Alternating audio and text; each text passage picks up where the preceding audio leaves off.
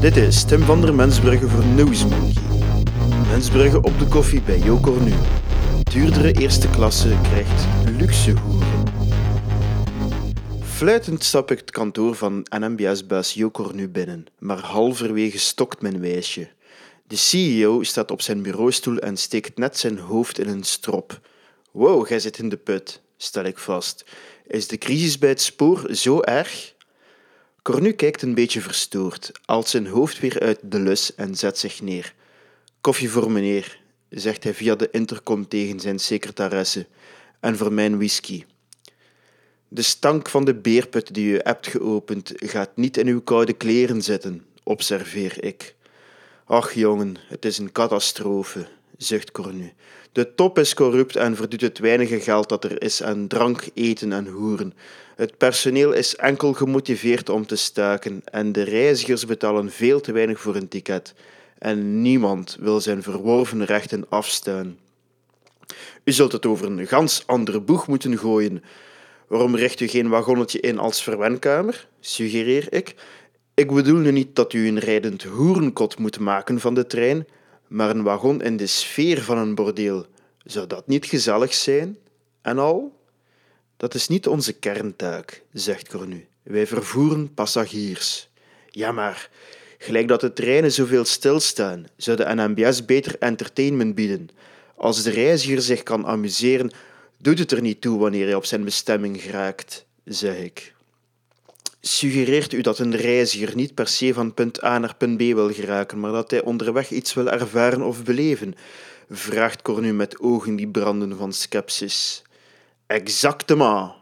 Als we ons enkel maar van de ene plaats naar de andere plaats wilden transporteren, reden we allemaal rond in een Lada, terwijl het net de Audi's, de BMW's en de Volvo's zijn die onze autostrades doen dichtslippen. Waarom? Die merken bieden een ervaring aan, leg ik uit. Hmm, zegt Cornu. Hij leunt achterover, zijn blik gaat op oneindig. Zijn wenkbrauwen fronsen businessmodellen en marktanalyses bijeen.